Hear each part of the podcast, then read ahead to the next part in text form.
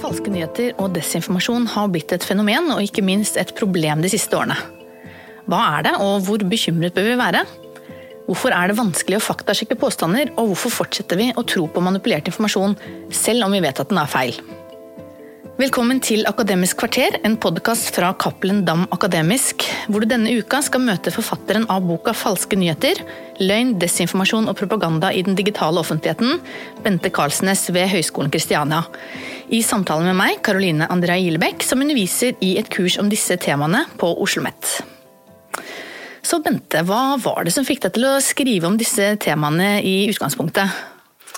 Ja, eh, Høsten 2016 så skulle jeg levere avhandling. Jeg hadde skrevet om politisk bruk av sosiale medier. Og jeg fulgte med på det som skjedde i USA, i den amerikanske valgkampen. Og da så vi at uh, særlig den ene kandidaten, Donald Trump, han var med på å sette det begrepet på agendaen. Uh, både fordi at uh, han beskyldte amerikanske medier for å være fake news, men også fordi at han sjøl ble beskyldt for å spre å eh, lage falske nyheter.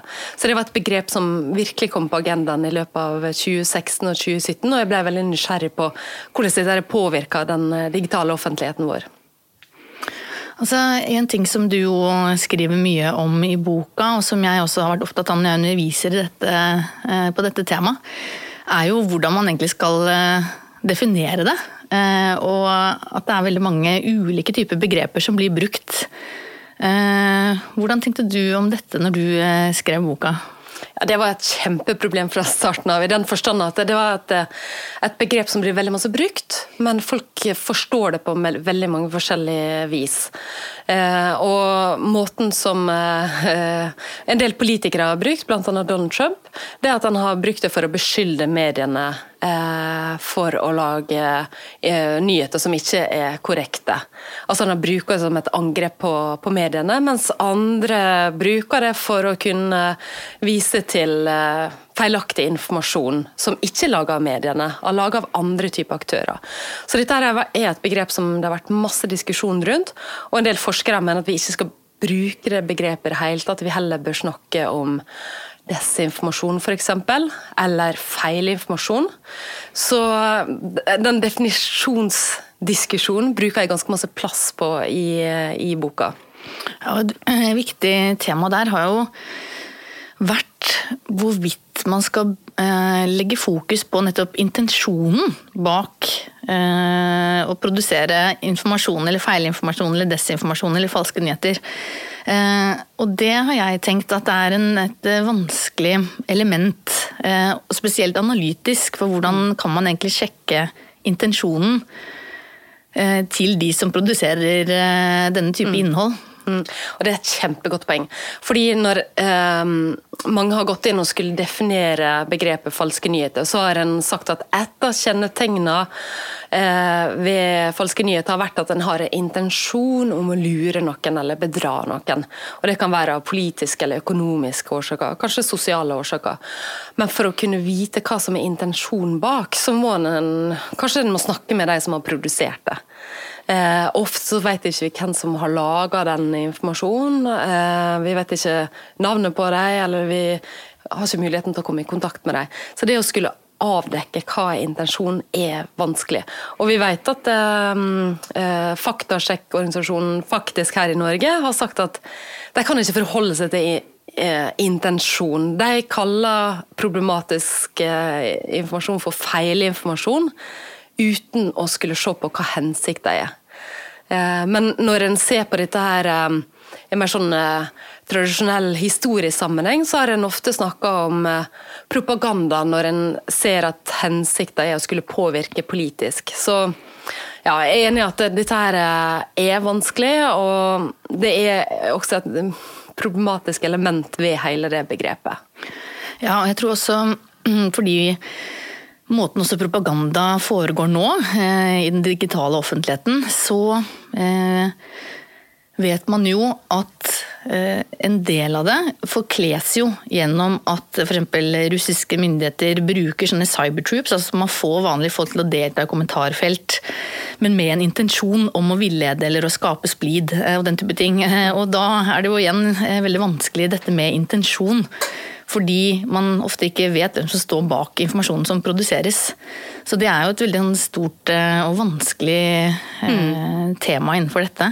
Ja, og, da må jeg spørre deg, for du underviser studenter i et kurs på Oslo OsloMet der dere ser på eh, skillet mellom fakta og fiksjon, og dere ser på faktasjekking, og dere leser mange tekster om altså, ny forskning på det fagfeltet. Um, så hva er det dine studenter er opptatt av, og hva er det de lurer på når det gjelder ja, faktasjekking og manipulert informasjon på nett? Ja, vi brukte jo veldig mye tid nettopp på å liksom prøve å forstå disse ulike begrepene. Eh, og jeg tror for studentene så var det både vanskelig og interessant eh, å forstå på en måte denne skalaen. Altså hva er sannhet, hva er falskt? hva Eh, er en blanding av de to. Eh, og hvordan noe som kan være sant, kan bli puttet inn i en kontekst som gjør at det blir misvisende eller, eh, eller feilaktig. Så vi brukte mye tid i dette emnet nettopp på å, å, se på ulike former for påstander eller ulike former for informasjon, og hvordan vi på en måte kunne prøve å forstå det og forklare det. Så vi hadde også mange studenter fra ulike land, altså det var et veldig internasjonalt kurs. Så det var veldig gøy og spennende å diskutere dette fra ulike kontekster. For det er klart at man har ulike erfaringer eh, fra det. Mm. Ja, for det, jeg tenker at Et av de virkelig store problemene der, når du får informasjon som har mange riktige og sanne elementer i seg, men så er det et eller annet som er falskt eller vridd på eller fullstendig ukorrekt. Men det kan være vanskelig å skulle avdekke det. Mm. Eh, så hva, altså, hvordan skal vi klare å avdekke den type informasjon? Da kanskje dere diskuterte en del om?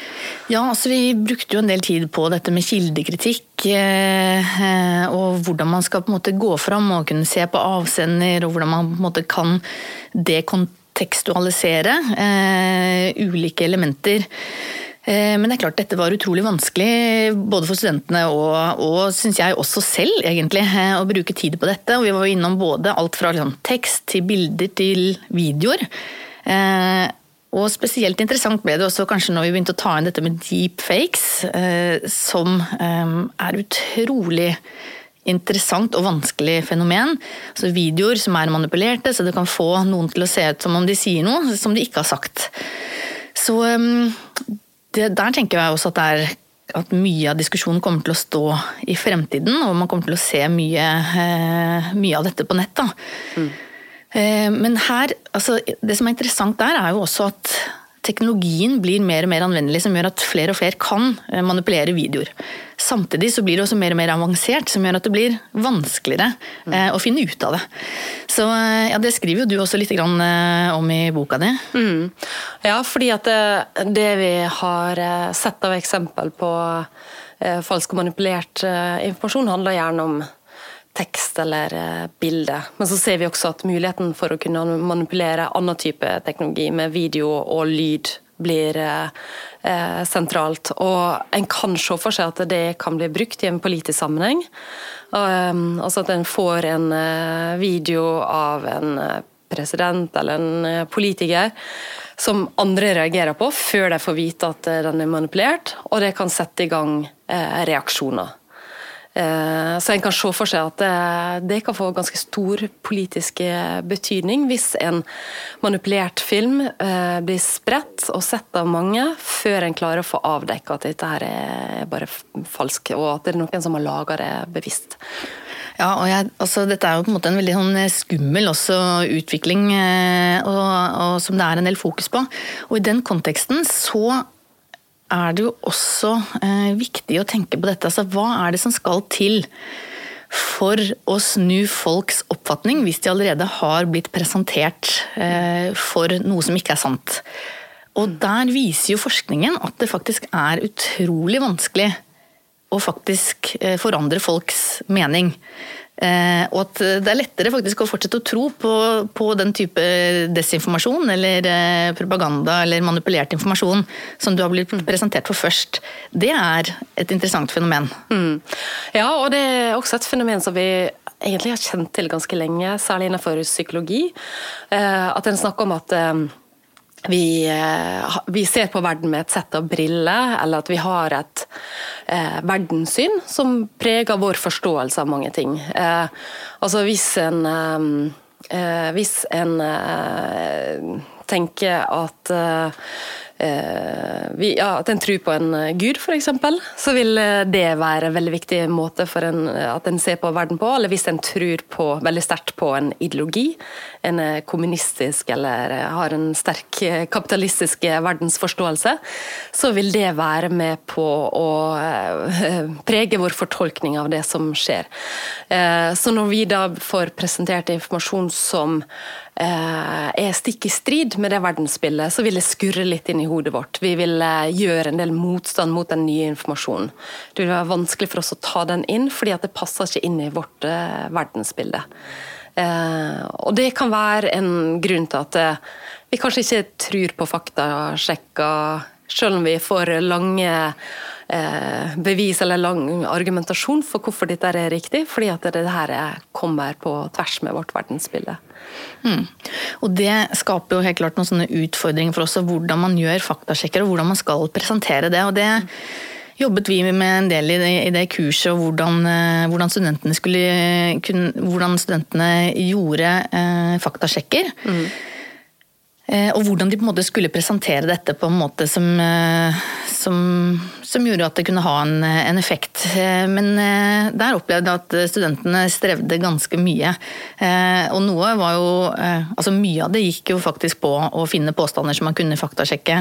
Og det var jo veldig tidskrevende og vanskelig å finne ut av finne ut av hvorvidt disse påstandene var sanne eller ikke, eller delvis sanne eller ikke osv. Men også hvordan man på en måte skulle formidle det. Mm. Eh, I boka di så har du jo noen tips på hvordan man mm. kan gjøre det ja, og det er basert på forskning, for det har vært en del forskning på dette. her. Selv om vi i Norge fikk, eh, fikk eh, faktisk i 2017, som et resultat av hele den debatten rundt falske nyheter, så har en holdt på med, med faktasjekking i en del andre land før den tid. Og det har en for så vidt gjort i Norge òg, eh, i forskjellige reaksjoner.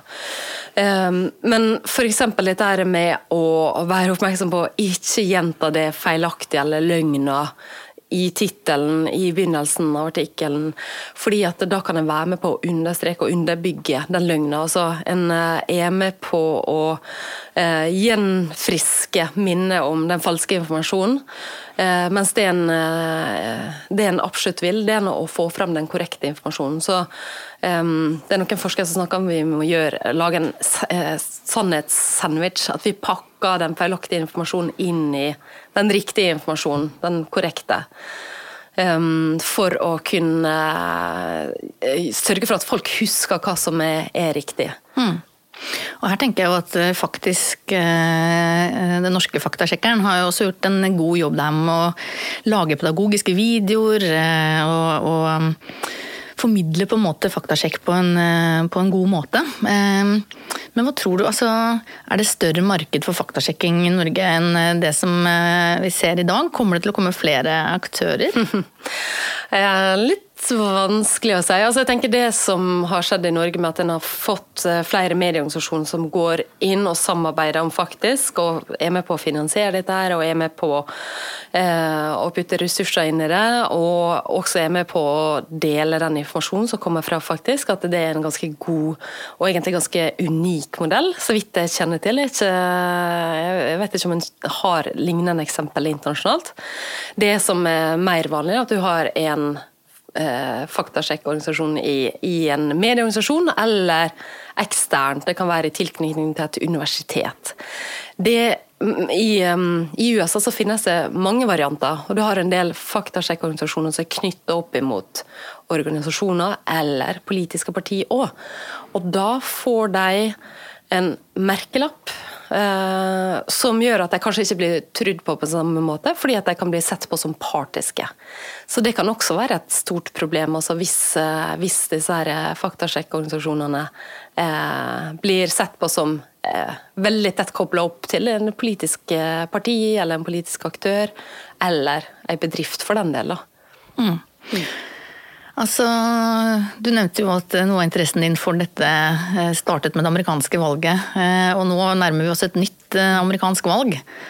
Og, altså, det er vel ikke noen grunn til å tro at dette blir et mindre problem i det valget som vi står overfor? Absolutt ikke. Og vi har sett mange eksempel på forsøk på påvirkning allerede. Og ehm, Eh, vi har også sett store debatter om hvordan eh, de store teknologiplattformene skal forholde seg til dette. her. Hva skal de fjerne, hva skal de tillate? Eh, skal de gå inn og gjøre endringer på politisk reklame? Skal de fjerne politisk reklame? Skal de faktasjekke det? Der vi har sett at Twitter og Facebook har tatt veldig ulike roller. Twitter har bestemt seg for å eh, fjerne politisk reklame, mens Facebook tillater politisk reklame som til og med beviselig er falske. Eh, så den debatten eh, pågår for fullt, samtidig som at det, uh, det er nok eh, stor oppmerksomhet rundt graden av spredning av falsk informasjon i, i, sosiale medier, og hvordan det kan påvirke valget. Så um, det her kommer til å skje veldig masse det neste året på det temaet. Kanskje det blir eh, behov for en oppfølger, da? Kanskje det. ja, du har nå hørt en episode av Akademisk kvarter, en podkast fra Cappelen Dam Akademisk. Boka 'Falske nyheter, løgn, desinformasjon og propaganda i den digitale offentligheten' er tilgjengelig i bokhandel og på nett.